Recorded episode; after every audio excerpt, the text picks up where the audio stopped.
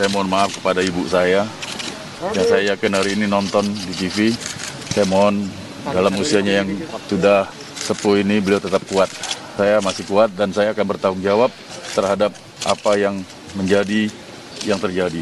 Kemudian saya juga mohon maaf kepada seluruh masyarakat Indonesia, khususnya masyarakat kelautan dan perikanan yang mungkin banyak yang terhianati seolah-olah saya pencitraan di depan umum itu tidak, itu semangat. Ini adalah kecelakaan yang terjadi dan saya bertanggung jawab terhadap ini semua.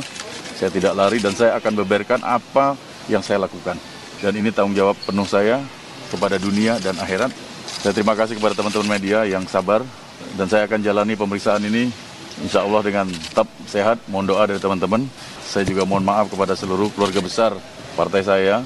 Saya dengan ini akan mengundurkan diri sebagai wakil ketua umum.